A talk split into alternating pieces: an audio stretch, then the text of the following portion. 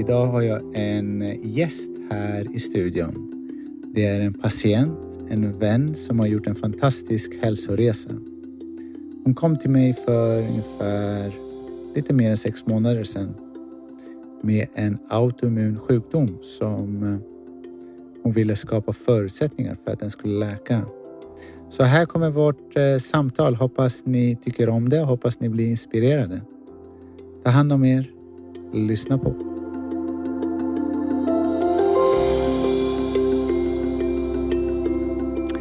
Hej och varmt välkommen Gabriella. Tack snälla.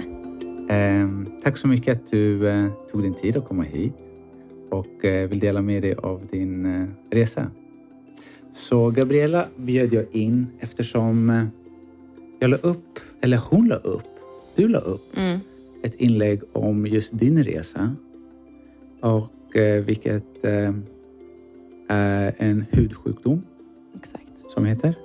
Eh, alltså alla säger ju olika. Ja, Eh, jag säger vitiligo, ja, men det är nog ganska många som säger vitiligo. vitiligo. jag är en av dem som säger vitiligo. Ja, men jag vet inte varför jag säger vitiligo. Jag har bara alltid sagt så. Ja. Och jag tror, hur var det så att du hamnade hos mig? Ehm, nej, men det är nog way back. Både du och jag, ehm, vi hade kontakt på Instagram ganska eh, tätt med när du startade igång egentligen dina sociala medier. Just det. Eh, och båda vi, tror jag, nu ska jag inte säga din inställning, men var ganska öppna för magical mediums, typ celery, liksom Ja. juice Exakt. eh. Ja, Eh, och sen så skaffade vi barn ganska likt i tid och då pratade vi lite om barnmat.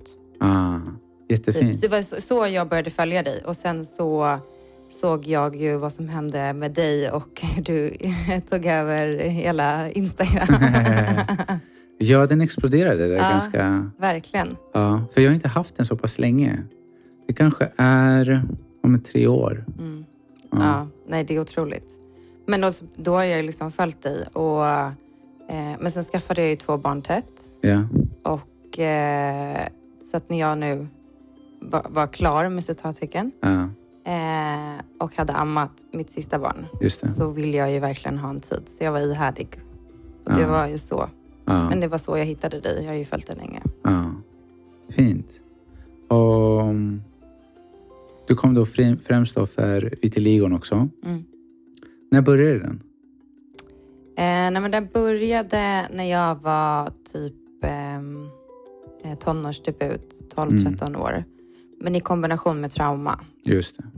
Så Ja. att min pappa blev sjuk i cancer Ja, en tid innan och sen så kom det här men, antagligen i kombination med stress och sorg ja, eh, som ett resultat. exakt. För att vitiligo är en typ av autoimmun sjukdom.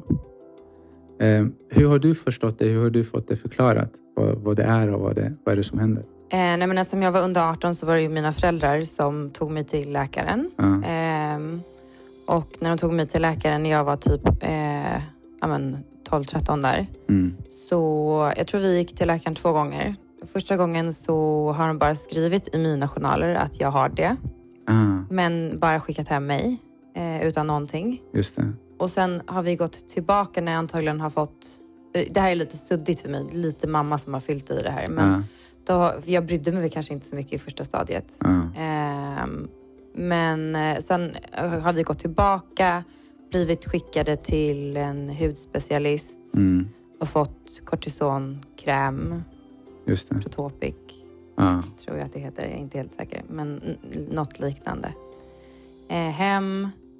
Och sen har väl jag kört det lite, men jag har liksom aldrig riktigt... Det har jag nog aldrig gett mig riktigt hän, att så här, smörja på någonting eller så. Ja, just det. Men, men jag har ju fått förklarat för mig att det finns ingenting att göra åt. Mm, Eh, och ja, men att eh, kroppen attackerar sig själv. ja, Och that's it. ja, Eh, och bara hålla tummarna på att det inte kommer sprida sig för mycket och att jag ska lära mig att leva med det. just det. Ja. Och det är ju den förklaringen som andra patienter som varit här också med vitiligo. Mm. Som en annan tjej som varit här också fått eh, väldigt bra resultat. Mm. Eh, och det är en ongoing, det, det tar verkligen tid Mm. för att man ska se en förändring i det. Eh, och det gäller tålamod och det gäller att man hanterar det, eller tittar på det då, multidisciplinärt. Dels beteendemönstret, vad kan man ge, själv göra för att få ner de där stressnivåerna? Mm. Vad kan man stötta kroppen med för näring? Och sedan det kinesiska medicinska perspektivet. Mm. Men eh, det som... eh, En av anledningarna till att du är här då idag är att du la upp en bild på dig, en före och en efter. Mm. Eller det hade gått ett, ett, ett tag va? Nej, men det som är så otroligt med de två bilderna som jag la upp, det var att, för att jag började ju här i januari Ja, eh, och ehm, jag tog ena bilden i början på juni ja, och andra bilden typ nu. ja, Eh, så det är verkligen så som du säger. Man måste ju verkligen så här, ha tålamod för att, för att ens pigmentet och cellerna ska få en möjlighet exakt. att ens, det ska ske någonting när man exponeras av solljus. Ja. Så behöver det ju ta lite tid. Det är det, min vår har liksom bestått av. Ja, Ehm, och nu... ehm, men så tog jag en innan bild i juni där innan man börjar komma ut i solen. ja, Eh, och sen nu när jag har varit ute i solen. Eh, I kombination med att jag har ju faktiskt en UVB-lampa. Ja, eh, som jag är väldigt försiktig med, men som jag ändå liksom ehm, ger för att kunna pusha pigmentet lite extra. ja, exakt. Eh, och det var ju, alltså mina kinder har gått från att vara helt vita till att vara ganska fläckiga. Eh, det är faktiskt helt sjukt. Hela min panna var vit också och nu är ju den helt ja, ifylld. ja, vad fint. Um, Och det var ju så att jag fick jättemycket för jag la upp, eh, jag tror att jag la upp ditt, att du delade. Jag eller, del- ja. eh, på storyn. mm, Eh, För att jag var ju så glad för, för din resa och din framgång. Eh, Och där fick jag jättemycket frågor, feedback, folk som kommenterade positivt och mycket, mycket frågetecken. Vad det hon har gjort? Vad är det som händer? mm, Är det ens möjligt? Och så vidare. mm. Så det kändes väldigt spontant. Men låt oss bjuda in dig här och dela med oss. Ja men jättekul. Det var jättemånga som skrev till mig också. För de förstod ju så grundkällan så folk bara klicka vidare. Exakt. Eh, så min inbox blev ju också helt full. Ehm, men det är ju det är, det är svårt att så här, svara så här, det här är något recept. ja, Ehm, och jag hänvisade ju väldigt mycket till typ din bok. ja, För jag skulle säga att det största, jag har ju hållit på väldigt länge själv Ja. med att experimentera och läsa på. Och jag har gått en halv näringsterapeututbildning bara Mm. för att liksom förstå på ett annat Mm. sätt. Ehm, men det jag aldrig har gjort eh, och som jag har gjort tidigare, jag har liksom aldrig gjort allt i silo. Men jag har slutat med gluten och så Ja. bara, det hjälpte inte. okej. Jag har slutat med mjölk Ja. och det, jag kände ingen skillnad. Ehm, men jag har ju aldrig jobbat holistiskt med helhetsbilden. Och jag har ju aldrig tagit hand om det här själsligt. Eh, det är ju verkligen en helt ny eh, tappning av mitt läkande. Eh, och därför, därför hänvisade jag ju till din bok. mm, Mycket, mycket. Det är ju stor liksom, vikt i boken att, att lite börja där. ja. Och det är egentligen det vad det är. Det är ett verktyg. Det är inte för Mm. underhållning. Nej. Du läser det och du, väldigt många som behöver läsa den om och om och om igen. Mm, Just för varje gång så faller en liten polett ner. mm, För just vad jag försöker förmedla är att du kan inte förändra din livsstil om inte vi förändrar det mentala först. mm, För att försöker vi göra någonting utav bara ren disciplin, då är det bara tidsfråga tills vi faller tillbaka till ett beteende, undermedvetet beteendemönster som inte tjänar vår hälsa. mm. Vad tycker du? Så, så du kom hit. Minns du vårt första möte? Eh, ja, jag kommer ihåg att jag typ eh, grät. ja, Eh, nej, men vet att vi pratade om, både du och jag har spelat elitidrott och Ja. varit väldigt högpresterande och så här. ja, ehm, ja, men jag har väl varit genomsyrat i mer än bara att jag har spelat handboll. Men sen har jag liksom fortsatt eh, i det spåret. ja, Ehm, och det pratade vi mycket om och så pratade vi, ja men det, det var väl liksom lite spåret. Ehm, det kommer jag ihåg var vårt första möte. ja. Det är just när det kommer till autoimmuna sjukdomar, oavsett vilka det är. Min upplevelse är att det finns alltid någon form, och inte bara autoimmuna, mm, kroniska saker man har haft besvär med under en längre period. Har det absolut att göra med vissa emotionella stagnationer. Just med trauman, dysfunktionell uppväxt Och vad det har lämnat oss med just den här identifieringen med den händelsen och de tankarna associerade till den händelsen. Mm. Så det är det som hela inre resan handlar om. Att verkligen först komma till bukt med vad har jag att göra med? Vad bär jag med för känslor? Skuld eller skam eller rädsla? Och hur pass mycket av de här känslorna är det som styr mitt beteende av min prestation? Mm. Så den här styrkan väldigt många pratar om, du ska vara stark för att vara framgångsrik, den kommer väldigt ofta från smärta. Mm. Och det är så viktigt för att det finns den styrkan som är egentligen den maskulina energin. Så finns det också den här inre feminina kraften som speciellt kvinnan, ni kvinnor bär på. Och det är det här att komma mer i kontakt med det och tillåta dig själv att vara ditt autentiska jag. Mm. Det är det hela boken handlar om. Det är Ja. därför den, den är just så viktig. Verkligen. Nej, men, eh, men, och det var mycket av det vi pratade om när Ja. vi träffades. Ehm, sen kommer jag ihåg när jag började med akupunkturen. Ja, Eh, alltså jag kommer ihåg det så mycket för att jag hade ju väldigt svårt att slappna av. ja, Alltså du kunde gå förbi mig och bara försök kanalisera din energi. exakt. Ehm, men det var så sjukt för det var som att det bara släppte eh, efter några gånger. Ja, Eh, och helt plötsligt så kunde jag så sova igenom ett helt, en hel behandling. ja, Eh, och var jätte, jättedjup avslappning. ja. Från att liksom, alltså jag låg där den första gången Mm. och bara, "Uff, ska jag ligga här i en och en halv timme? Vad ska jag göra? Ja. Ska jag vara med mig själv i en och en halv timme? Jag kan inte titta på någonting, jag kan inte göra någonting. Allt är bara vitt. Det var tufft. Ja, Eh, och det sa ju ganska mycket om att så här, antagligen egot i mig bara stretade. Så här, Ja. Vi gör någonting annat. Ja. Och framförallt att göra typ så här, ehm, men bli upptagen med någonting. Att inte behöva gå inåt. ja, exakt. Ehm, så det kändes tydligt. Ehm, och sen så framför allt att jag kunde, jag kunde gå ner i den avslappningen eh, efter tid. Ja, Och det var ju enklare när man körde ytterligare behandlingstillfällen senare. Att man Exakt. kände att så här, kroppen börjar ändå förstå. ja. Och det, på något sätt är det ett samspel också mellan mig som ligger där som patient och nålarna. Mm. Det är så här, jag låter nålarna göra sitt jobb. Medan den här i början, man vet inte vad man ska förvänta sig, vad det ska göra. Ska jag bara ligga här? Eh, Hur kan jag distrahera mig? Mm. Och så försöker sinnet så här, hitta någonting att, att leka med. Mm. Och till slut så kommer man, man låter nålarna göra sitt jobb och man kommer just i den här djupa avslappningen. Um, För det fantastiska vad nålarna gör är att det berör så pass djupa strukturer i hjärnan. mm. Man vet att det påverkar till exempel det limbiska systemet som är otroligt djupa strukturer i hjärnan. Påverkar dels känslotillstånd och hur man relaterar till smärta, till det förflutna. Så det påverkar neuroendokrina systemet. Mm. Och det är väl det viktiga och det första jag försöker åstadkomma, att få folk att komma ner i varv. Um, För att vad de egentligen gör är att de skapar sen förutsättningar så att din kropp kan läka sig själv. mm.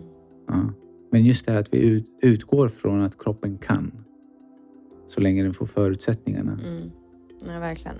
Och hur landar det i dig och när vi just pratade om att skapa förutsättningarna och att integrera de olika typerna av modaliteten, till exempel kosten, din morgonrutin, träningen, det mentala, eh, nålarna och sen även också örterna som du har fått dricka en hel del. Eh, örterna var ju en utmaning. jag vet inte varför. Det, var, det är väl en jättesmaksak. Ja, Eh, eh, men jag har ju kontakt med en annan som har gått här och, och för hen, hennes upplevelse av det, nu har ju alla olika recept, ja, men hennes upplevelse var ju verkligen att så här, eh, jag tycker det smakar sött ja, eh, och uppskattar örterna varje gång. Och för mig så var det... Jag vet inte vad det var. Det var eh, och jag vet inte om det var ett inre motstånd eller vad det, vad det var. Att jag liksom nästan talade, intalade mig själv att det här skulle vara tufft. ja, just det. Eh, för jag försökte typ alla varianter, så här, hälla mjölk. alltså, jag höll på så mycket. Men det där gav ju med sig. Det Ja. var ju verkligen i början. Mm. Och, och sen uppskattade jag ju också det. Just det. Eh, ju längre man kommer så uppskattar man det ju på ett annat sätt. Mm. För då känner man ju typ, eh, när man dricker, alltså då känner jag en känsla av Typ, det, det känns som att det omfamnar en Mm. på något sätt. Det är svårt att förklara, men man blir så varm och det, om, det omfamnar en på något sätt. Det känns, det känns hilande. Ja. Hur känns också hela processen med att lägga in örterna, se dem, hälla upp vatten, låta dem koka. Hela den lilla ritualen. Ehm, nej men, och det var det som växte på mig tror jag. Ja. Vilket ändrar hela... För i början var det med så här... för, kommer du ihåg att jag hade specialrecept? Jag hämtade ut ännu mer örter ifrån stan. Just det. Ehm, och jag tror att det var de örterna Ja. som det var någon form av bark som var ganska stark. Ja. Ehm, och det var den lukten tror jag Mm. Som var lite läskig. För jag har ju aldrig gjort det här tidigare. Eller? ja, exakt. Men eh, det var det som växte på mig. Att eh, sen när man fick sitt kit Mm. och gjorde hela den ritualen. Att det var det som kändes omfamnande. Och Ja, så här, men att man, när man gör det på morgonen så att man liksom väljer ju hälsan när Mm. man gör det. Mm. Och det känns så här, det, det går inte att göra en så mycket bättre start för sig själv. Ja. Så det, det växte på mig jättemycket. Sen har vi, eh, alltså min resa har verkligen inte varit spikrak. Även om jag, alltså jag åt redan glutenfritt, jag åt minimalt med mjölkprodukter.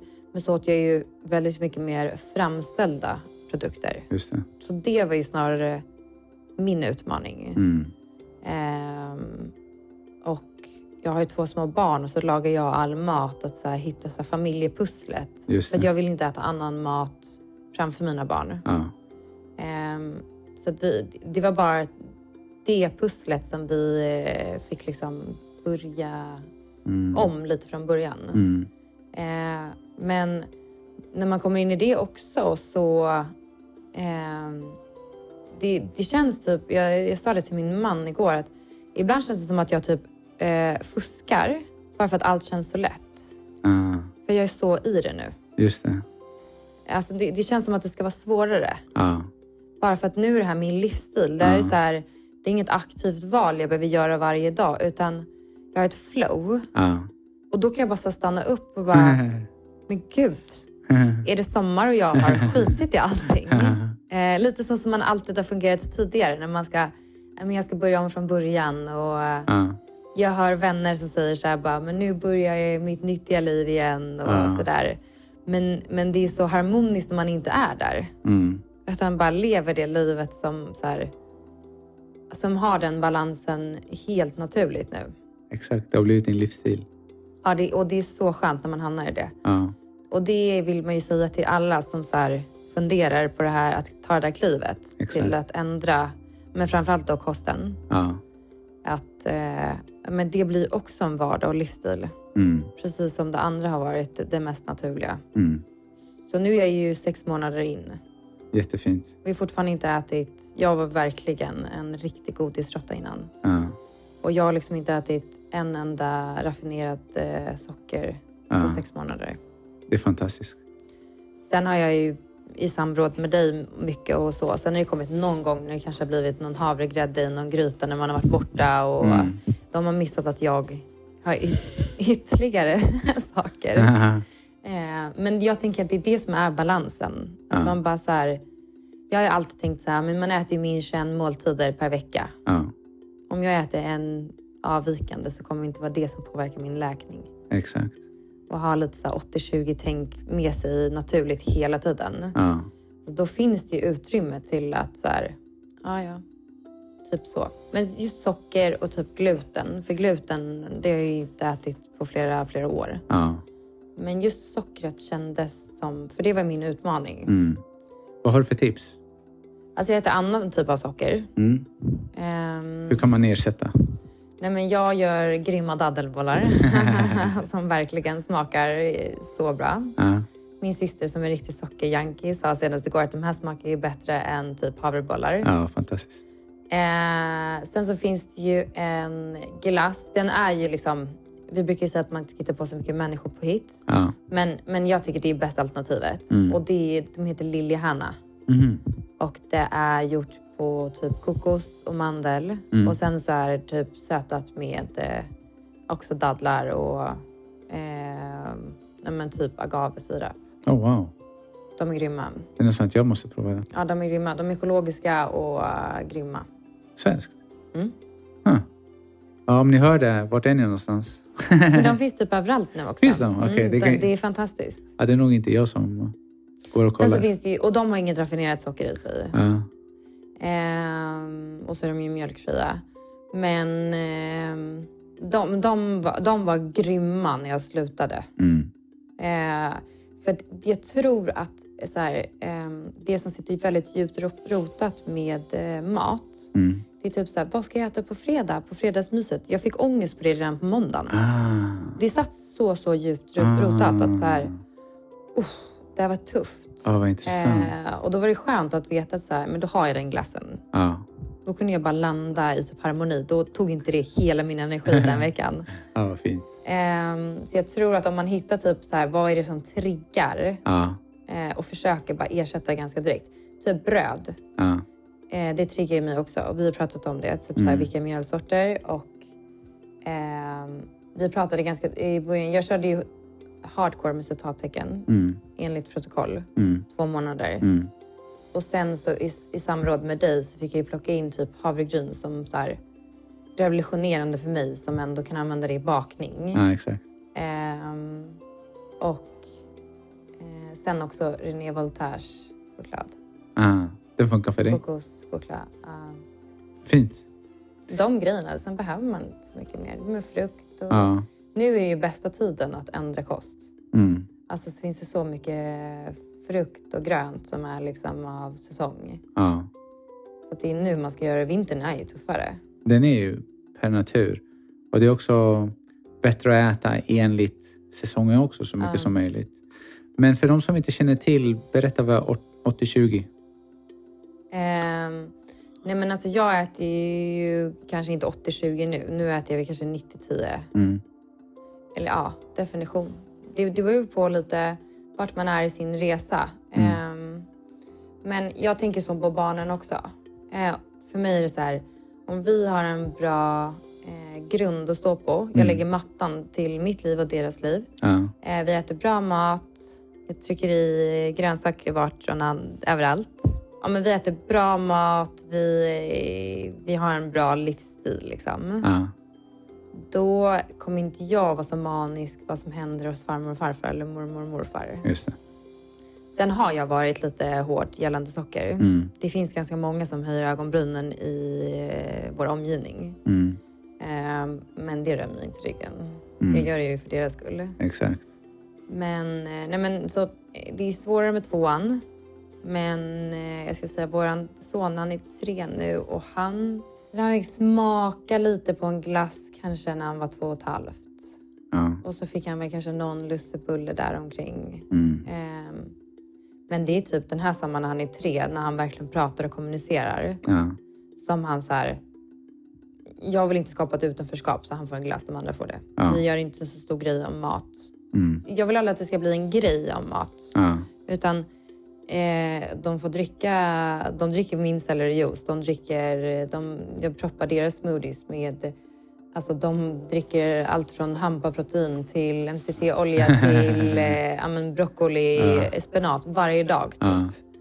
Ehm, så att det är inte heller maniskt åt det hållet, så att man Nej. måste äta massa sån här mat. Ja. Utan man får välja också själv. ja. Jättefint. Ehm, men så ser det lite 80-20 ut ehm, för mig. Men det, och det är så skönt att landa på någonstans. Att så här, Mm. jag, den har jag haft ganska länge i mitt liv. Att så här, alltså jag kommer ihåg typ, om, när, vi, när jag jobbade på ett tidigare kontor och så brukade vi alltid på fredagar käka pizza hemma. Ja. Då brukar jag alltid säga bara, men gud det ska bli så nice med pizza ikväll. Mm. Nu ska jag boosta med en bra grön sallad så kommer min kropp må bra. ja, vad fint. Att man bara känner det, att så här, bara boosta lite. Ja. Det är det min kropp lite skriker efter. Ja. Och så njuter jag av pizzan. Ja. Känner du att med den, den typen av insikten har också förändringen till relationen till din kropp förändrats? Ja, jättemycket. Berätta om det. Eh, nej men så, men dels med research och sånt, men ehm, jag har ju haft en ätstörning i bagaget Mm. när jag var yngre. Därför tror jag också så här, viktigt att äta med barnen. Ja. Inte påverka barnen för mycket och sådär. Men, nej, men så jag hade bulimi när jag eh, var 18, och, 18 Mm. ungefär. Ehm, och ehm, jag, för mig var ju mat bara ett sätt att liksom så här, det, har ju, det går ju hand i hand med vitiligon också. För att jag fick vitiligo väldigt ungt i min Mm. tonårsdebut. Mm. Och den skapade typ ett litet, eh, litet självdestruktivt beteende Mm. i att jag inte riktigt var som alla andra. Just det. Eh, och eftersom jag inte var som alla andra så var det så himla viktigt att försöka lyfta sig in i normen på andra sätt. Ja, Och då var vikten någonting som blev det jag kontrollerade. Okej. Ehm, men... ehm, Fick du hjälp för det eller? Ja, du- nej, men så jag har gått behandling som Ja. Mandometer i Stockholm, din, din ätstörningsklinik. Ja. Ehm, så jag gick det, det är en så femårig... vad säger man? Femårig behandling. Ja. Eh, så den har jag fått hjälp med. Men där lär man sig ju ingenting ehm, om typ så här, eh, vad mat är, vad maten gör med våra kroppar. Utan det handlar mer om att så här, nu ska jag börja äta igen. Mm. Och inte tänka på vad det är för mat jag stoppar i mig. Så det, om man typ tänker nu mot då så är det ju väldigt skevt sätt. Man hade ju verkligen velat att det funnits ett alternativ där det har funnits personer som var mer så här. Jag tror att det är så många som hade kunnat bli li- riktigt friska på lång sikt om de verkligen så satte sig in så här, vad gör det med våra kroppar och vad, Ja. vad, vad ger det funktionerna i våra kroppar? För det var ju Ja. det som hände mig sen. Att ehm, när jag började göra en, en djupare research Mm. så helt plötsligt, som från att så här, jag behöver äta, så förstod jag helt plötsligt jag, jag behöver äta inte för att hålla vikten eller för att jag är hungrig eller Ja. För att det är livsnödvändigt. Utan jag förstod helt plötsligt att maten jag stoppar i mig påverkar hela, hela förutsättningen för mitt välmående och för hur jag utvecklas. Ja. Och det blev ju väldigt förstärkt när jag var, blev gravid. Mm. För då var helt plötsligt så eh, fostret jag har i mig Mm. påverkas av vad jag stoppar i mig. Ja. Så hela biologin kom in så naturligt. Ja. Eh, och det var ett väldigt stort uppvaktande. ja, vad fint. Ehm, så när man sätter sig in och börjar liksom känna att så här, eh, oj, vad, oj vilket bränsle jag får av det här. Mm. Eh, då är ju, alltså då blir man ju nästan bara ännu mer så här, uff, gud, hur kan jag nästan dopa mig ännu mer? vad fint. och, så, och det vill man ju verkligen ge vidare till eh, barnens syn på mat framåt. Det är Ja. typ min, min enda liksom, vision. Ja, fint. Att de ska känna att så här, det inte... Det, det finns liksom ingen laddning här. Jag måste si eller så. Utan shit vad, vad bra det är med det här. Ja. Det ger mig förutsättningar för att åstadkomma det här. Ja. Ehm, så så det är typ min grundfilosofi när det Vad gäller fint kost. budskap. Verkligen. Mm. Jag hoppas att eh, fler där ute kan dela med sig eller ta till det och verkligen och förändra sitt perspektiv kring mat, sin relation till det och sen till, till sin kropp. Mm. Och förstå också att man kan ändra perspektiv. Att det, jag har ju haft tusen olika perspektiv. Mm. Eh, och verkligen sett hinder. Ja. V- vad var det som gjorde att det långsiktiga föll på plats? Att det nu känns då naturligt och normalt? Var det en specifik bok du läste? Var det någon träffade eller var det din egen upplevelse kring också med graviditeten? Ehm, jag tror att biten jag saknade var det mentala. Ja. Helt verkligen.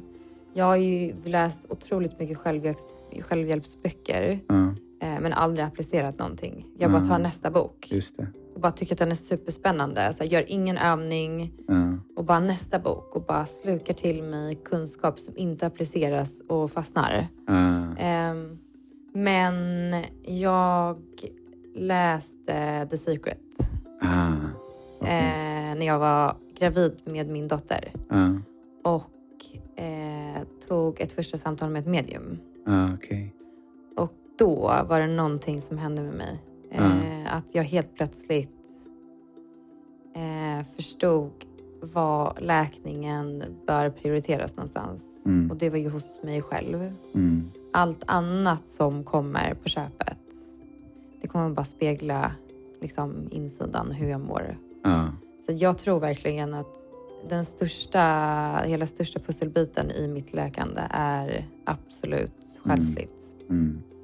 Vad fint. Ehm, Det är min, också min, min erfarenhet och min upplevelse själv i min resa är just det, här, den esoteriska resan. mm, Det är därför jag välkomnar allihopa att, att göra den och, och jag poängterar det hos, hos allihopa. ja. men där har jag långt kvar att gå, verkligen. Så jag förstår att min läkning inte kommer gå spikrak Mm.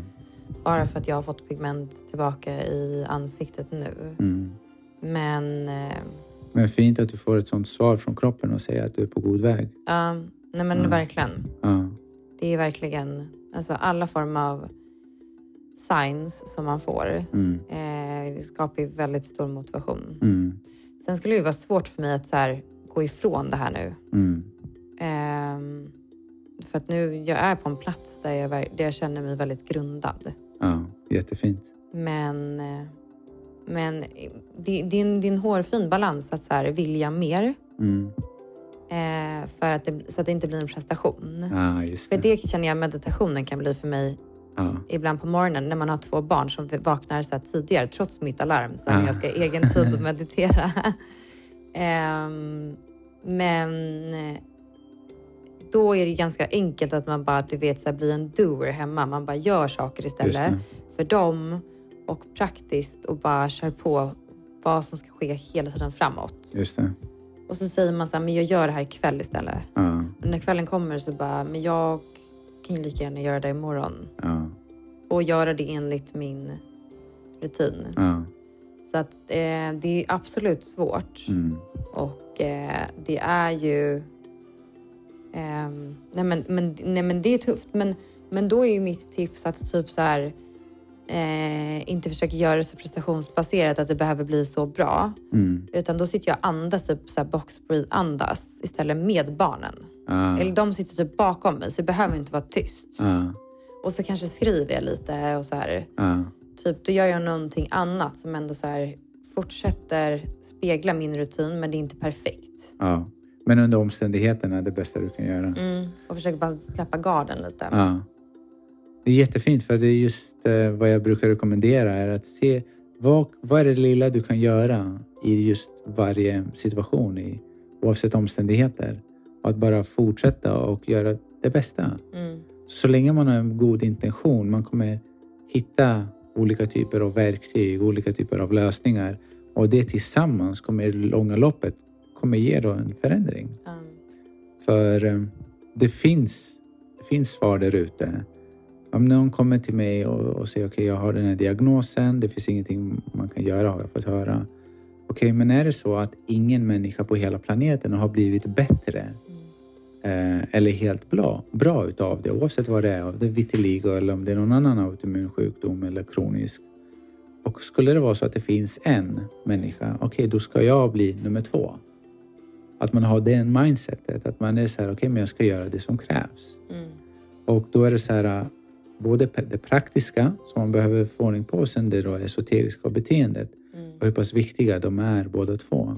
Verkligen. Och där märker jag då att du har gjort en så, en sån fin förändring i båda dem och det är en, det är en resa i båda dem. För vitiligo utifrån kinesisk medicinsk perspektiv, det, är, vi kan, det finns olika typer av kategorier varför man utvecklar, men främst två. En på grund av att vi ser att det är brist på blod. Och det är brist på blod eh, är en form av... Blodet ska inte komma ut hela vägen till, till huden och eh, skapa det här pigmentet så att resultatet blir att, att pigmentet för, försvinner. Och nummer två är på grund av någonting för mycket som det hetta.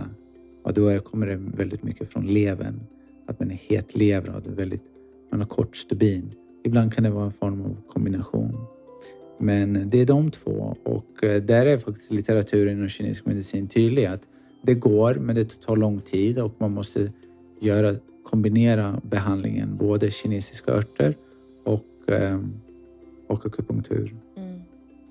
Men eh, det glädjer mig för att de som verkligen tar sitt liv i sina egna händer och skapar förutsättningar, de ser också resultat. Mm. Och det är som jag brukar säga till folk som kommer hit, att det är du som kommer få göra jobbet. Mm. Jag är här och visar dig vilken väg du ska gå. Och eh, den insikten, jag kände när jag mådde som sämst i min resa som jag delar med mig i boken, är just att, det låter hårt, men ifall jag tar fullständigt ansvar för min hälsa, det betyder vaknar jag upp idag med ont i huvudet, ja, men det är på grund av mig. Eller vaknar jag upp och så har jag det det är på grund av mig. Eller fortsätter symptom. Det låter hårt, men samtidigt så är det jag som har möjligheten att skapa en förändring. Verkligen. Och så länge då jag söker mig till vad är det som kommer göra då, skapa förutsättningarna. Mm. Någon som kan visa mig vägen. Och då är det bara en tidsfråga. Mm. Mm. Jag tror att vi måste börja lita på och tro på att kroppen kan läka sig själv. Mm. Nej, jag, och jag tror att det är det som jag tror verkligen, för du har ju spalter i din bok. Att så här, ehm, jag vet inte hur det var eh, innan när man är sjuk. Mm. Men när man börjar se förbättring, Ja. det är när man känner att man kommer kunna läka och man känner den skillnaden. Det är, det är det är inte just den meningen. Mm. Men jag, jag uppfattar det som den liksom... Det är det som är själva roten. Mm. Och det var ju det som var skillnaden för mig. Att när jag liksom... Jag har ju fått pigmentering tidigare tillbaka en gång och så här, då har jag varit gravid. Så det är Ja. stora skillnaden. Ja. Och när man är gravid så, du kan ju det här bättre än mig, men när man är gravid så stänger ju immunförsvaret ner och inte lika aktivt för att inte stöta bort fostret. Mm. Att de säger ju att just autoimmuna sjukdomar är ofta på grund av ett överaktivt immunförsvar. Mm. Och då har ju min tilltro inte blivit helt och hållet att så här, åh nu kommer jag läka i och med att jag vet att jag har typ en anledning. Mm.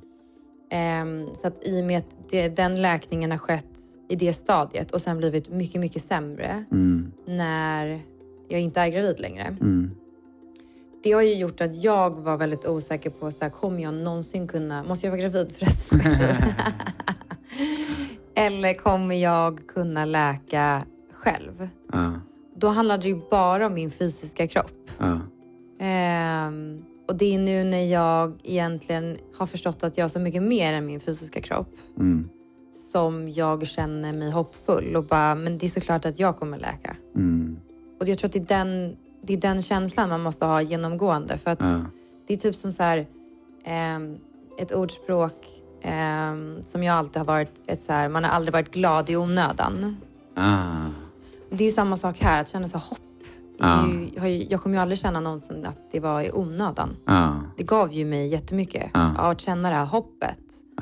Ehm, så att precis som att man aldrig har varit glad i onödan så eh, är det ju, man, man, man måste känna det här. Man måste prata med sig själv och känna den övertygelsen att så här, det är självklart att jag Ja. kommer läka. Mm. Att man har den här tilltron djupt, djupt inne oavsett om man går igenom en svår fas. Mm, Att man vet att det är bara en fas. mm, Och att det är bara hormonerna som upp och ner. Det är bara någon obalans i kroppen. mm, Mm. Men att man just också får, kommer till den här insikten att det har väldigt mycket att göra med vårt beteende. mm. Jag brukar säga att vi kan inte laga samma mat med samma råvara och förvänta oss en ny smak. Nej. Så här, hur har mitt livsstil påverkat min sjukdom och vad är det jag behöver förändra? Och där ser vi ett jättefint exempel på dig, hur du har verkligen gjort så stora framsteg. Mm. Ja, och sen är det jättemånga som gör så här. Vissa är ju AIP, AIP, AIP Oj, eh, protokollet. ja, Jag gjorde ju det. Det var jättetufft för mig som exempelvis eh, inte älskar att äta animaliskt. ja, Jag mådde ju väldigt dåligt på det. ja, Eh, det var därför att när jag kom eh, och träffade dig och kände att ehm, det här tilltalar verkligen mig. Det här protokollet, så här, gud jag får äta så mycket. mm, Det var snarare det jag kände. Så här, jag behöver inte leva på grönsaker och kött ja, för resten av mitt liv för att hålla mig frisk. Utan gud, det finns så mycket jag kan äta. Jag kan äta linser och bönor och Ja. quinoa och eh, alltså jag kan till och med äta potatis. Är ju- om man bara läser om man är lite expert på det. Det är bättre att koka upp den och låta den svalna. ja, exakt. Men, eh, nej, men det finns ju oändligt mycket mat. Ja. Och det tror jag också att man ska så känna att du kommer, det kommer komma att du känner så. Mm. Och sen är så här, eh, jag har också en filosofi att, så här, att eh, jag tar alltid det bästa alternativet. Ja. Och går jag på ett ställe så tar jag bästa alternativet, då går inte jag därifrån med ångest för att jag inte följde protokollet. ja, exakt. Jag har ju gjort det bästa av situationen. Ja, exakt. Exakt. Och det är återigen bara en av de här 21 måltiderna eller Ja. Hur det- många nu måltider man vill äta per vecka. Och just det här om du ska gå ut och äta då, låt oss säga med vänner, utifrån förutsättningar, välj det bästa i menyn som finns. ja. Ja. Sen kan man typ också skriva till restaurangen innan. Ja. Om det får dig att känna mer lugn Ja.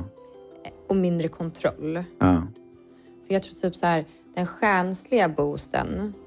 ehm, för jag har varit väldigt mycket så här, till och med i början på det här. Och det var att när jag skulle åka iväg och vänner hö- höll tillställningar.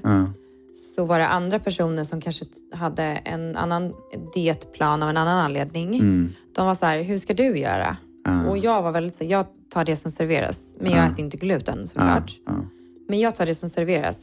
Sen så kom det in typ exempelvis glass. Mm. Men då åt jag inte den. Nej, just det. Men jag hade liksom inte försökt maniskt eh, i förväg Mm. förbestämma exakt hur allting kommer bli. Mm. Eh, det var också skönt att så här, släppa den kontrollen. Så det är en, lite, en liten kombination. Men jag tror att om man känner harmoni, Mm. att så här, nej men, jag, jag mår bra om jag får under två månaders tid exempelvis äta så här. Ja. För att det ska ge mig en chans Ja. att komma in i det. Ja. Nej, men då kan man göra av sig till en restaurang. Alltså en restaurang är ju väldigt flexibel om de får lite tid. Men eh, jag var på födelsedagsfika senast igår med hela min släkt. Det var fyra gräddtårtor och kladdkakor och you name it. Och jag har ju varit en sockerjunkie så att Mm. alla bara “jag köpte kladdkakan till dig” och du vet så. Och jag kom ju dit med mina som eh, jag inte känner. Och så här, jag har också beställt eh, Woman Sinks den här chica, ja. jag vet inte ens vad den heter. Kaffe, kaffet. Ja, Ja. den är skitbra att ha i en skötväska Mm. När man ska vara lite spontan i och med att det bara är att koka vatten. Exakt. Så den, koka, den körde jag. Så jag satt där med min chikarot och min... jag Jättebra. vet inte om det heter det. Förlåt om ni lyssnar på det här. Ah. Ni som har producerat det här. Grejen är att nu vet jag ingenting annat. Ja. Alltså det har gått sex månader. Det är ganska lång tid. Ja. Det skapar inte ett super... Jag känner inte att jag eh, går miste om någonting. Nej. Alla var bara så sugna på att smaka min och min dotters chokladboll. Det var liksom inte så stor grej. Så att jag tror också det är att man drar sig lite för en så här, jag börjar inte på sommaren för det är så mycket semester och nu ska Ja. jag anpassa mig och folk kommer tycka och. Ja. så här, men folk kommer bara känna sån glädje när de ser vad som sker i dina ögon. Ja, det är det. Och verkligen, de som verkligen bryr sig om dig, de kommer ha full förståelse. De kommer vara glada för din skull. Ja, och bara okej, vad kan jag laga istället? Ja, exakt. Det, jag är i och för sig sjukt tydlig, att men jag vill ta med mig. Ja. Eh, för att jag inte ens vill att folk ska tänka så mycket. Ja. Men många då är bara nej, Ja. så svårt kan det inte vara. Vad är det du äter? Ja. De, de tycker att det är intressant. Ja. Jag kan säga att alla middagar vi har så pratar vi om det här. Ja. Och alla bara, mm, och är det inte någons fru så är det någons man. Du borde också köra det där. Ja. Så att det är ju folk, eh, folk omfamnar ju med Ja. öppna armar. Är så här, ringar på vattnet. Mm. Mm. Sen just alkohol exempelvis. Mm. Jag var super, super strikt första två månaderna. Mm. Och nu så låter det bli lite som det blir. Jag tar ett glas vin ibland. Mm. Kanske jag dricker två stjälkar selleri dagen efter. Ja. Och ibland så är det så. Mycket bättre att fuska lite och göra det med glädje Mm. och njuta av det Exakt. än att ha ångesten Ja. genom... Ja. Så... Nej, men det, det ska liksom bli långsiktigt. Jag Ja. kommer aldrig sluta dricka vin. Forever. Så är det, ska jag inte säga. Det kanske jag gör. Men eh, där är jag inte i min resa nu. Och det är inte min ambition. Mm. Jättefint. Eh, min man är ju nykterist. Mm. Så att så här, vi dricker inte jättemycket alkohol överlag. Men, Nej. men så här, tilltala ett glas vin mig så gör det det. Ja. Hur ser du framtiden ut framför dig och eh, du fortsätter på det här Mm. spåret? Det känns som att det har blivit din universum, Mm. din verklighet. Och det är så kul för jag vet att vi pratade om det under ett behandlingstillfälle. För då var jag lite så tragglig bara, åh gud, hur många månader rekommenderar du? Mm. Men nu känns det ju bara som att jag har ett flow. Ja. Och det är verkligen så. Varje individ sätter sin egen ribba. Mm. Det är så här, uh, gå tillbaka till ditt gamla beteende. Ingen säger att du inte kan. Nej. Du kan verkligen, verkligen förstöra dig själv. Mm. Men du kan också verkligen, verkligen skapa förutsättningar för att läka. Ja. Men, eh, nej men eh, jag brukar också säga till dem som försöker att så här, men bry dig inte jättemycket om vad du inte lyckas få bort det, utan Mm. försök tillsätta saker i din liksom, vardag. Jättefint. Men få till den här sellerijuicen då. Och Ja. kör lite apelsiner. Alltså, vi pratade om det här innan vi började podda. Ja. Att så här, jag var jättehardcore förut och hade inget problem med att dra i mig jättemycket sellerijuice Ja. direkt på tom mage. Ja. Alltså jag är inte riktigt där än. Nej. Så det glider ner typ en, ett halvt äpple eller lite gurka och lite, så här, Ja. lite citron. Men tänk alla som älskar selleri. Mm. Alltså de har så mycket att vinna på det här. Ja. De har, sån, de har sånt försprång. Många som sitter och käkar så här selleri och doppar med så här, Ja. typ dipp så här, frivilligt. Ja. Selleri, jag, när jag började, jag körde selleri, sen gick jag över till broccoli. Mhm. Jag läste broccoli, det som selleri on steroids. Mhm. Så ja, jag gjorde juice av kälken.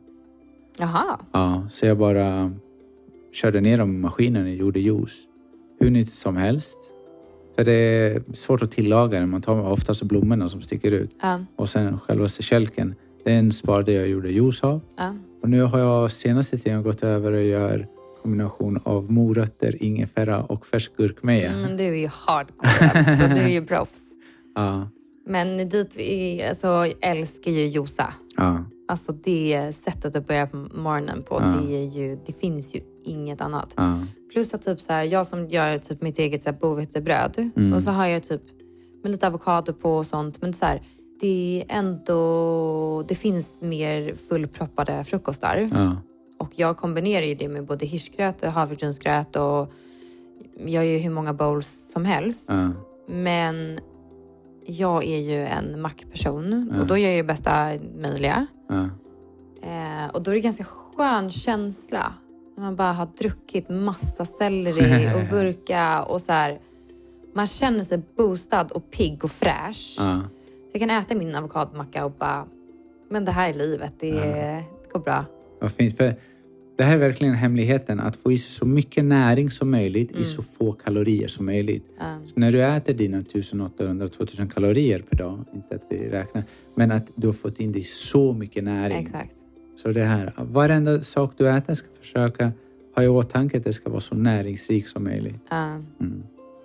Nej, det är många som kör gurkjuice också. Ja, funkar också. Mm, det, är, det är mer snällt. Ja, Det har jag också kört i perioder. Och typ så har jag ingen selleri hemma men en gurka så juicar jag gurkan. ja. Ehm, men det är ju så gott Mm. när man har sitt flow med juice. ja, Och verkligen få i så här grönsaker. ja. Det är verkligen gott. Jättefint. Ehm, så att nej, det är verkligen en rekommendation till dem som känner att så här, nej, men jag vill inte sluta med pasta nu. lever jag. Jag ska till Italien i tre veckor. Ah.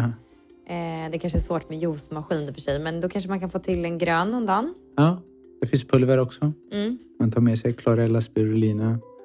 Ja, för hur rekommenderar du att ta dem bäst? För jag är ju dem i smoothie, så här, typ eh, spirulina-pulver. Fantastiskt. Men eh, så hade jag ingen smoothie hemma så skulle jag ta det i ett glas. Aha. Eh, jag tror jag tog alldeles för mycket pulver för lite vatten. Det var riktigt tjockt. Ja, det kan Men kan man, det. tar du det som en shot ibland eller? Nej, oftast i, när jag gör juicer. Så till exempel när jag kör med broccoli. Aha. Ja, även där. Gå in och blandar ihop det. Så att när juicen liksom är klar, Ja, då tar du två teskedar eller typ och bara Precis. blandar runt. Vad smart. ja. Det ska jag också göra. Boosta lite till. Det ska jag Och då göra. kan jag passa på och eh, komma ut med nyheten att vi kommer ut med en serie av superfoods. Jaha, Ja. vad kul. Med olika blends. Eh, det kommer först singel. Så Ja. vi kommer ut med singel. Och sen längre fram så kommer det kombinationer. Ja, men nice. Ja, faktiskt. Kan man hämta det samtidigt som sina örter? ja. Men helt tanken för att det är så, det är så många som frågar efter. om Ja. Vilken ska jag ha? Vilken är bra? och så vidare. Och så, vidare. så jag tänker, ja, men du får väl ta ut det sortimentet så ja, folk det är kan... jättebra. Så ja. vet man att man får bra kvalitet också. Exakt. Det är jättebra. Och det är... Um, vi försöker E- Europa, Nya Zeeland, försöker undvika så mycket som möjligt Kina. Ja. För där brukar det vara lite så här frågetecken Jag egentligen. vet inte var René Voltaires produkt kommer ifrån. Jag tror hon borde vara duktig med att hämta Hon bra är ju mycket i kvalitet. Australien och... Ja, Tror jag. Ja. Eller? Är det hon? Nu, gud, nu namedroppar jag folk här och så, så vet jag inte exakt. du får, du får, du får äh, rätta oss om du hör det här. Men, men, vi säger det i väldigt fördelaktig mening. Ja, hon fick ju en sån smygreklam nu Ja. ändå. Så att, Nej men alltså jag delar med mig av det som jag står för och jag, Ja. det jag äter så det är ingen, jag är inte rädd för det. Nej. Jag, jag är glad bara att äh, vägleda folk till bra produkter. ja, nej men verkligen. Och sen så typ som kaffet också, det har jag också slutat med. Ja, Det, var, det tyckte jag också var svårt. För jag kommer ändå så här, eh, när man har kört så här två under två och du vet så här, varit gravid senaste 800 åren känns det som och Ah. ammat. ja, Då levde jag ju på ett tag så här, kaffe och gick och knäckte Marabou från frysen. Ja. Så här, det var typ de vakna nätterna, det var ju liksom räddningen. Vakna, Man bara kände så här, okej, men jag har i alla fall det här. eh, men nu fortsätter jag ju knäcka, men René var så här choklad i frysen. ja, Eh, och sen så eh, kör jag decaf. ja. Fint. Så det, och sen också så här, precis som jag sa innan, att nej men man behöver inte vara bäst. Det här är liksom ingen tävling. Man Exakt. behöver inte prestera heller Exakt. bara för att man är så sjukt duktig på att Ah. hålla sig till ett protokoll. Ja, Och som jag till dig ganska tidigt var det några grejer som verkligen kände så här, men ska det här vara långsiktigt för mig så, så, kan, Ja. så kan inte ens det här räknas som ett fusk för mig. För jag måste kunna känna att jag gör det helhjärtat. Ja. Det här kommer jag göra. exakt. Och det var ju fabrikatmjölk. Ja, Att så här, jag kör ju sprout ärtmjölk. Mm. Att så här, få ta den skummade mjölken till en kaffe på morgonen. mm. Det får ju mig att känna att så här, men gud. Livs... här- det är livet. Ja, jättefint. Och vi pratade om kaffe från början och då var det ju en kopp innan tolv. Mm. Och den slussades ju ut ganska fort. För att bra val, det föder bra val. Ja, Eh, så att helt plötsligt när man juicar så är man inte så sugen på koffein. Alltså koffein. nej. Jag är inte så sugen på att ge min kropp Ja, det ja, när jag har precis druckit någonting som kroppen bara, åh, var så hydrated Ja, och bara exakt. mår så bra. Då Ja. kändes det bara konstigt att jag ska göra någonting som ska vara vätskedrivande typ, precis efteråt. Men jättefint. Så att- Just att du kommer själv till en sån insikt och att du känner efter. Ja, men man känner det i kroppen och jag tror att man ska Mm. vänta. För det är återigen, det, då sker det invändigt. Utan det är inte min prestation. Mm. Det är inte, det är inte så här du förväntar dig eller att jag förväntar att jag tänker att någon annan tittar utifrån och bara gud hon dricker jättemycket koffein. Är det typ ens bra Ja. för hennes hormoner? Ja, Att man så här försöker släppa det lite och bara hur känns det? ja. Och, För det är verkligen så, du ska inte kolla vad alla andra gör. Det är så här, vad som är bäst för dig. mm, Många frågar mig så här, "Men vad äter du? Vad gör du? Och så vidare. Vad jag gör har ingenting med din kropp. Min Nej. kropp och din kropp är helt annorlunda. Det vill säga, jag kanske behöver det här, du kanske behöver något annat. och där, det är också ett steg jag gjorde nu. Mm. När jag gjorde baserat på dina rekommendationer, Mm. mina test. Mm. Så innan hade vi behandlat generellt. Ja, exakt. Eller inte generellt, men vi har behandlat generellt efter min vitiligo. Ja, exakt. Och sen så gjorde du, vad var det för tester? Smart Nutrition. Just det, så företaget Smart Nutrition, det är två tester som jag brukar rekommendera. Ett hårmineral och ett urintest. Mm. Och där ser vi dels mineralerna, vi ser eventuella tungmetaller. Vi får insikt eh, lite hur sköldkörteln, blodsockret mår, binjurar och så vidare. Urintestet, eh, antioxidanter, B-vitaminer. Man kollar lite, några parametrar om hur tarmen mår och så vidare. Och därifrån kunde vi sen då göra mer ett specifikt och patientcentrerat protokoll utifrån tillskott. Mm. Så det var jättebra att du gjorde det. Ja. Nej, men så, eh, ja precis. Och nu är jag i nya kosttillskott. Mm. Ehm, och det var ju kul för att du bara, det ser mycket bättre ut än vad jag faktiskt hade förväntat mig. ja.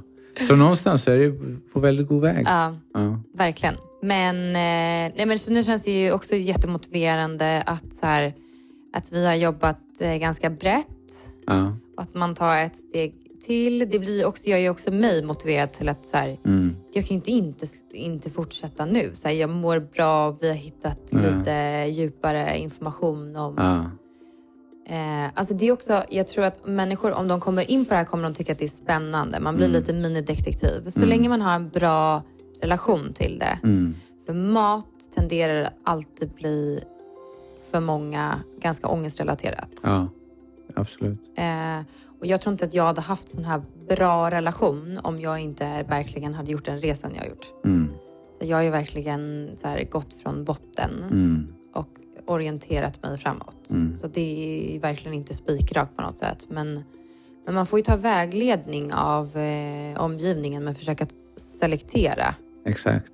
Och att det tar tid. Mm, Det är en maraton, det är ingen sprint. nej. Jag är inget orakel. Du vet, vi, vi kan inte påskynda saker snabbare än vad kroppen kan hantera heller. Så, nej. men jag vet att du sa det, jag tror det var för vårt första möte, att mm. tänk hur länge du har varit sjuk. ja. Du, det kommer ta tid. Ja, det är det. Det är ganska skönt att landa tillbaka till också. Att så här, men om jag har varit sjuk så här länge i hela mitt liv Ja, och har så många kvar, år kvar att leva. ja, Hur kort tid ändå min liksom, start på läkning är. ja, Och hur, vad skönt det kommer vara att bara om några år ja, kanske leva ännu friskare. ja. Och det är det. Kroppen kommer tillbaka till en form av balans Mm, där den kan börja fungera som den ska helt enkelt. mm, Och det är det vad vi egentligen kallar för läkning. Vilket är så ironiskt. Vad betyder alltså? Den fungerar så som den är gjord att göra. mm, den har inte en växel där den kallas för okej nu går vi in i läkning-mode för att sen gå tillbaka till fungerande mode. Det är så här det betyder. Det är att du skapar förutsättningar så att kroppen kan fungera som den ska. mm. Och då börjar den då, ja, balansera hormonerna och avgifta och ja, allt det den gör. Mm. Verkligen. Jättefint. Mm. Nej, det är coolt. Och Ja. grejen att man, man, är, man tycker att det är kul när man är i det. Ja, Men, och det är som med allt, ett flow som jag Ja. återkommer till. Men det är ju väldigt härlig känsla. ja, Det är ju, det, alltså det är ju typ det tillståndet man vill vara i. ja. Så vad är det till lyssnarna avslutningsvis? Vad tycker du är de dina viktigaste råd som du önskar någon hade sagt till dig när du var nere i botten? Nej men framför allt att så här, eh, man behöver inte gå in och läsa en bok om näringslära. Mm. Men, men istället ha någon form av grund att stå på. Ja. Så att du ändå så här... ehm, det blir så lätt att, eh, att man blir väldigt viktfokuserad ibland. Och då kommer kalorier in och då kommer lightprodukter in och då blir det väldigt fokuserat just av den anledningen. Ja. Men har man en annan typ av sjukdom Mm. och känner att så här, det finns ingenting att göra. ehm, men skapar det förutsättningar för att du överlag ska må bra och känna att du har energi till att ta nästa steg. Mm. Eh, nej men så, jag, jag skulle absolut så här, lära mig mer om kroppen. Mm. Och det finns verkligen enkla, enkla böcker Ja. om det. Det är skön litteratur. Det är Ja. Bara så här, så som jag sa tidigare, att jag bara läser hur mycket självhjälpsböcker som helst. Men det finns ju väldigt skön litteratur. Food Pharmacy, ja. Jättefina. väldigt eh, Ja. bra steg. Ja. Och de, det är väl nästan humoristiskt hur hur man så ska laga maten också. De har Ja. väldigt bra tänk också med familj och så. Ja. så. Det är ett bra steg att gå på. Mm. Och sen plocka in istället för att känna allt du ska bli av med. Just det. Det Jättebra är ju tips. ett superbra tips. Men sen också läsa din bok Ja. för att få in det själsliga. ja. Jättefint. Det, ehm, det är... Och sen också så här att ehm, det är inte kört. För att du inte gjort exakt som ja. du tänkt. Ja. Så att det Den inte var blir fin. prestation. Det är inte kört. Det är aldrig för sent. Nej, Mm. Kroppen är inte trasig. nej, Ja. lite så. Ja. Och att så här, jag tror alla kan läka sig. Jag tror också. Jag tror att man kan komma väldigt långt oavsett vilken diagnos man har fått, vart någonstans man är i sin resa. Man kan verkligen. Sen är det upp till kroppen. Och åtminstone så vet man att jag har gjort det bästa jag har gjort. Om det Mm. betyder att alla pigmentfläckarna kommer försvinna eller de flesta, så be it. Du vet, det är inte min makt längre. Jag brukar säga att typ min vitiligo har varit lite som min kompass. Att det har gett mig så mycket mer. För förstår du hur gammal jag kommer bli nu? Ja, Min kropp, min kropp älskar ju mig. exakt. Och jag väljer ju hälsan varje dag. Det ger ju mer smak till Ja, livet. exakt. Att man känner att man är närvarande, man väljer sig själv här och nu Ja, eh, och boostar sin kropp. Det är som en kärleksförklaring. ja, Ehm, så att även fast man inte får en kick direkt på det man kanske sökte för. Så du kommer känna skillnad i allt annat. Jättefint. Bli en gammal förälder och så ja, men Det finns ju väldigt mycket fördelar som Ja. inte har specifikt bara med det som är lite mer kosmetiskt. Ja, Men det man ska ha respekt för med, eh, som jag också brukar säga, för att det är väldigt många som, som säger till mig, men du är så vacker, alltså dina fläckar, det är så fint. mm. Och då brukar jag säga så här, tack, ja, jag har faktiskt inga, inte jätteproblem med det. Det har ju påverkat mig som yngre. ja. Men jag vill inte ha följdsjukdomar. Jättebra. Bra, fin. Det Ja, är viktigast för mig och det är det som skapar mig motivation. Att jag vill inte ha MS. Ja, Jag vill inte ha någon annan autoimmun sjukdom. Och autoimmuna sjukdomar, de triggar ofta varandra. just det.